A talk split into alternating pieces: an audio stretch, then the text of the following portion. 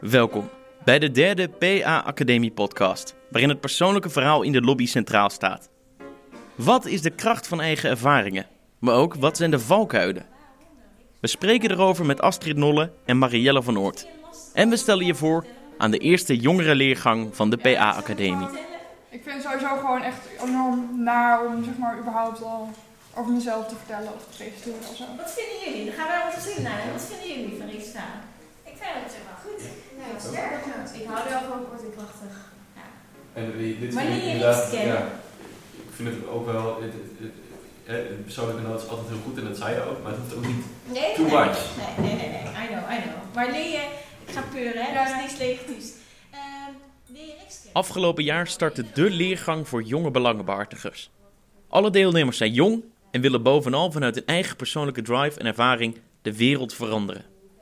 De PA-academie ondersteunt ze hierbij, door ze wegwijs te maken in de wereld van public affairs. We spraken de deelnemers van de jongerenleergang tijdens een workshopdag. Want een belangrijk aspect van de lobby is nou eenmaal de omgang met de media. En dus werden ze als verrassing geconfronteerd met de microfoon. Ja, maar nu krijg je met zo'n vraag dat ik eh, zo'n blokkerantwoord ga- zou gaan geven. Van ik zet, ik zet me in voor dit en dat, omdat. Nou, en wat omdat? Ja, omdat ik vind dat ehm, veel jongeren met een chronische aandoening kunnen niet hun stem laten horen. En het is wel belangrijk om aan te geven waar ze tegenaan lopen. Ik kan wel voor mezelf opkomen en daarom Ja. ik me in. Loopt hij nog? Dit is het verhaal. Ja, maar dat, ik vind dat geen passend antwoord op zijn vraag. Waar gaat hij over? Niet Ja, jij. oké. Amy Guit is als ervaringsdeskundige actief voor het jongerenpanel van FNO Zorg en Perspectief, waar ze zich inzet om jongeren met een chronische ziekte of beperking te vertegenwoordigen. Ik denk dat veel mensen zich er niet van bewust zijn. En als het gaat naar eh, op politiek niveau of gemeentelijk niveau, zitten er heel veel mensen op eh, plekken. Bijvoorbeeld in WMO-raden zijn mensen die geen kennis hebben van zorg, maar wel beleid maken over de zorgkwesties. Zij weten niet precies wat er omgaat in, de, in het leven van een chronisch zieke. En ja, ik vertel ze graag eh, wat er wel in ons leven omgaat en waar ze dan rekening mee kunnen houden. Ja? Laat eens los, je armen. Nee, dat eens kan ik tot niet. Ja, want je blijft heel functioneel. Ja, ben je ik ook. blijft heel goed over voorzitten. Het gaat over jou. Dat is wat je persoonlijk... eh, Dus, Ja, ja, maar dit... ja, heel goed. Ja. Lekker model. Ja. Rick de Brij is bestuurslid bij de Nationale Jeugdraad, waar hij zich op gemeentelijk niveau inzet om jongeren een stem te geven. Wil je dan meer persoonlijk? Ja. Ik heb helemaal geen meeslepend verhaal, jongens. Nee, dat hoeft is ook niet. Oké. Maar er zijn zoveel jongeren, waarom, waarom doe jij dit? Dat, dat is wat ik wil weten eigenlijk. Nou, omdat ik dat gewoon heel leuk vind. Ik vind het heel tof om te doen en ik word er heel blij van. En daarom doe ik dit. Oké. En waarom voor jongeren niet voor de dierenbescherming? Ja, omdat ik, ik hou gewoon van met jongeren werken. En jongeren hebben heel veel energie. En zijn altijd heel enthousiast en worden ook altijd onderschat. En het allermooiste is als eh, je ziet dat zowel jongeren verbaasd zijn over zichzelf wat ze kunnen, maar ook wethouders of raadsleden verbaasd zijn over wat jongeren eigenlijk voorstellen. En eh, daar word ik elke keer weer heel enthousiast van. Tijdens de leergang leren de deelnemers om als belangenbehartiger om te gaan met hun persoonlijke ervaringen. Hun eigen verhaal, maar bovenal hun eigen kracht als middel in de lobby. Astrid Nolle weet hier alles van.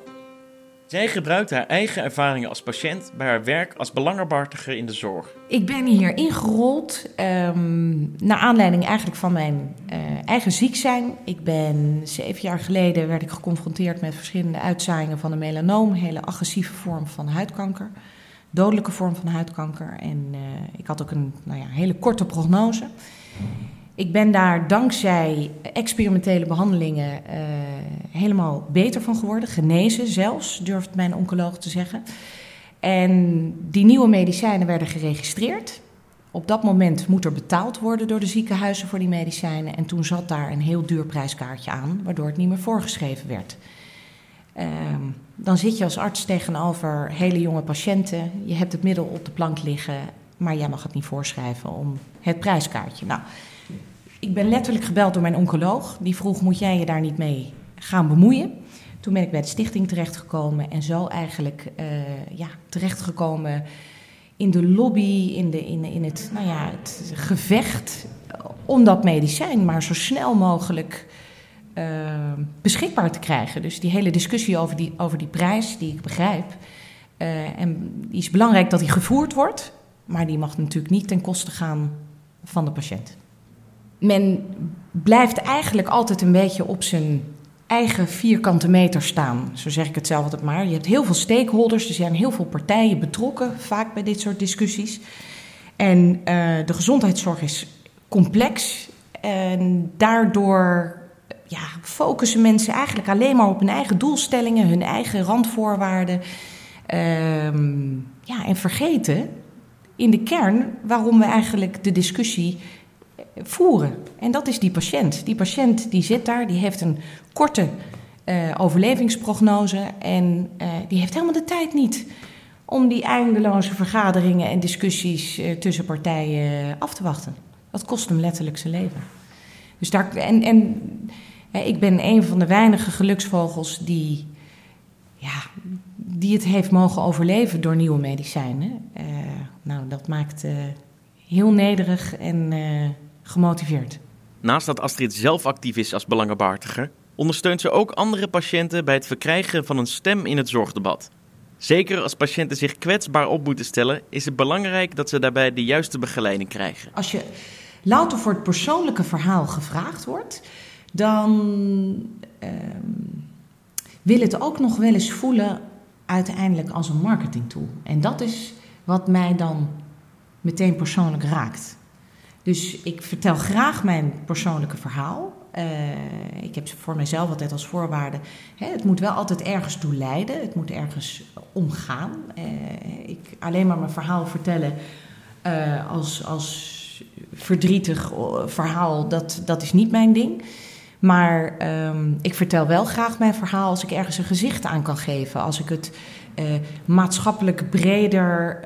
Um, ja, begrijpelijk kan maken. Hè? Dat helpt soms al die verschillende partijen weer aan één tafel te krijgen. En nou ja, gaan denken in, in, in gemeenschappelijke delers. In, in hè, wat verbindt ons nou wel in plaats van uh, ja, wat verbindt ons niet. Want heel vaak, vind ik, worden discussies vanuit onmogelijkheden aangevlogen. In plaats van te gaan kijken, ja, maar hè, waar liggen nou de verbindingen, waar liggen nou wel de mogelijkheden? Want niet oplossen is geen optie. Daar zitten mensen in de wachtkamer. Heel erg ziek. Ik merkte bij jouw interview bij 3FM heel erg dat jij vertelde over jezelf. Maar er zijn nog 700.000 andere chronisch zieke jongeren die ook, weet je wel. Dat is jouw... Dat is een stukje, dus heel eerlijk zijn, dat is een stukje omdat ik dat ik werkelijk vind, maar een stukje angst. Want daar ja. komt het opeens heel dichtbij. Sinds afgelopen jaar is Bente de voorzitter van het jongerenpanel van FNO Zorg en Perspectief. Waar ze zich inzet voor jongeren met een chronische aandoening. Ik, ik denk dat je op een gegeven moment heel gefrustreerd bent met alles wat je niet kan. En dat je die ervaringen wilt inzetten voor iets wat je wel kan. Uh, of waar je wel een verschil kan maken. En bij het jongerenpanel kwam ik er vooral achter dat ik waarvan ik dacht dat ik de enige was op deze hele wereld, dat er heel veel mensen waren en dat we, welke aandoening je dan ook hebt, uh, tegen dezelfde problemen aanloopt. Maar ook verder kijkend van hoe gaan we dat oplossen? Hoe kunnen we wel zorgen dat uh, dat, dat verschil wordt gemaakt, dat niet iedere jongere daar tegenaan hoeft te lopen? Ja, ik ook. Ja, ja allemaal denk ik. Ja, ja. En, en jullie onderwerp ligt net iets dichter bij jezelf dan de onderwerpen van uit jullie. Maar tegelijkertijd willen we je graag leren kennen. Want dat is waarom ja. we je uitnodigen om aan tafel te komen zitten enzovoort. Dus als je maar wel bewust bent dat dat stukje wel nodig blijft om het verhaal over te brengen. Als hij puur functioneel wordt, kom je niet over. En dat is wat je op de Rix de Jong is lobbyist bij Girls Rights Watch, de jongere lobbygroep van Plan Nederland. Rix kan zelf gaan en staan waar ze wil. En dat deed haar realiseren hoe belangrijk het is dat de positie van jongeren die dat niet kunnen verbetert. Um, ja, ik was hier in Brussel um, samen met een meisje uit Bangladesh. En zij was zelf voor haar kindhuwelijk gevlucht.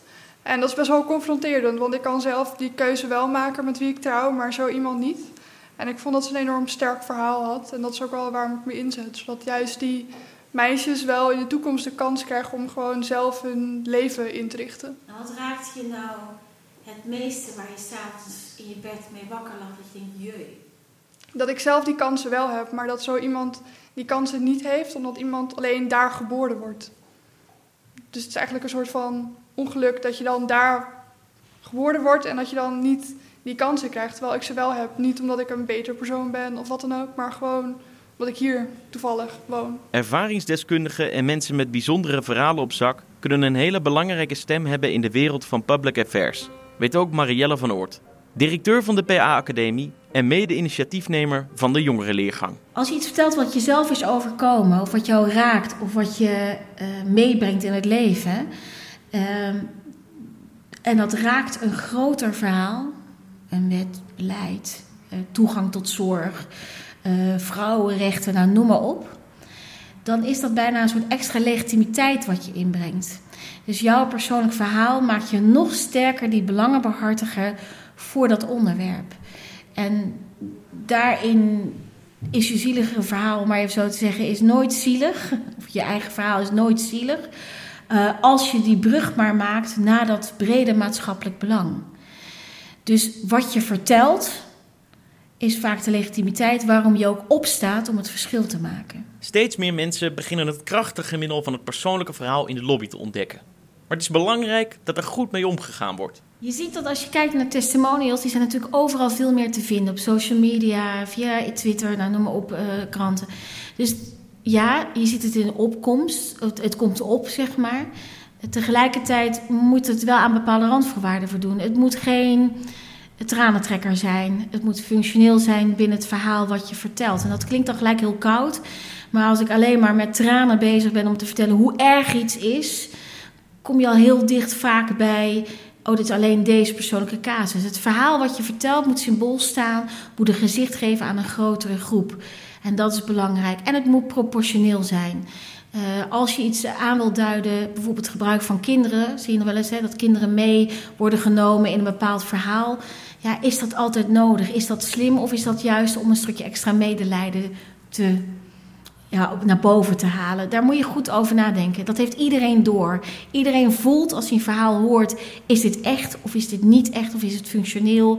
Of is het um, net wat aangezet? Dat onderbuikgevoel waar As het over heeft betekent ook dat er een onderbuik is bij de ontvanger daarvan. En daar moet je denk ik heel bewust van zijn.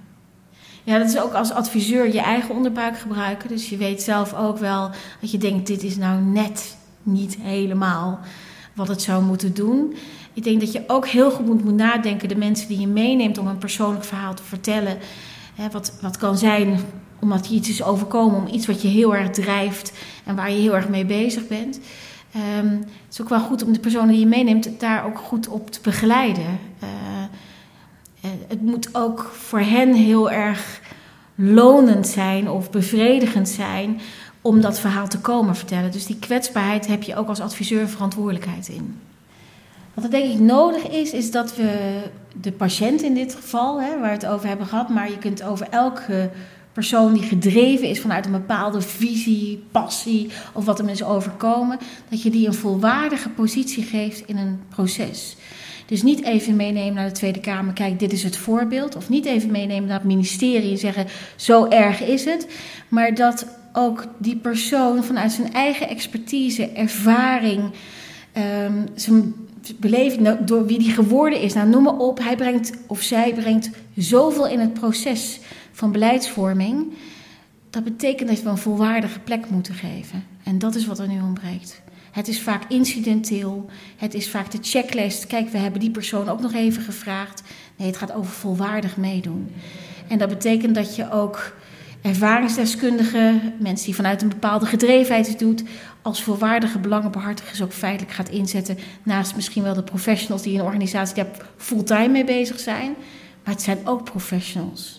Misschien niet fulltime, maar zeker professionals vanuit wie ze zijn of wat ze hebben meegemaakt. Ja, heel veel mensen. Ik heb dat verhaal namelijk al best wel vaak zeg maar, verteld. Alleen, zeg maar, meestal zeggen ze van ja, je eerste ingeving is vaak het beste. Maar ik weet niet, ik, ja. Maar het gaat ook over jou, hè? Dus dat is ook belangrijk. Dus als jij uh, uh, het niet op die manier wil inkleden, jij gaat over je eigen verhaal. Dus in je publiek, eerst van de eerste van zinnen, stemt op je publiek af, daar zit hij niet. De laatste deelnemer van de jongerenleergang die we aan je voorstellen is Eline van der Meulen. Zij kreeg als kind een zeldzame vorm van leukemie, waar ze nog steeds de gevolgen van ervaart. Ook Eline zit in het jongerenpanel van FNO Zorg in Perspectief en heeft een duidelijk beeld van wat er in het zorgoverleg moet veranderen. Ik denk dat het belangrijk is, en dat is ook de reden waarom ik uh, me graag voor chronisch zieke jongeren inzet, is dat um, er met, met, uh, niet over ons gepraat wordt, maar met ons. En dat wij de stem kunnen zijn voor heel veel jongeren in Nederland. Ik denk dat mijn verhaal misschien zo uniek is dat iedereen zich er wel, uh, zeg maar, heel veel uh, mensen zich er wel iets in kunnen herkennen. Dus um, dat ik op die manier um, een goede stem kan zijn voor heel veel verschillende um, ziektes en beperkingen voor jongeren. Inmiddels zit de opleiding van Amy, Rick, Bente, Rikst en Eline er alweer bijna op. En staat er een nieuwe enthousiaste groep jongeren klaar om de kneepjes van het vak te leren. Voor meer informatie over de jongerenleergang, maar ook over de PA Academie podcast, kun je terecht op www.pa-academie.nl.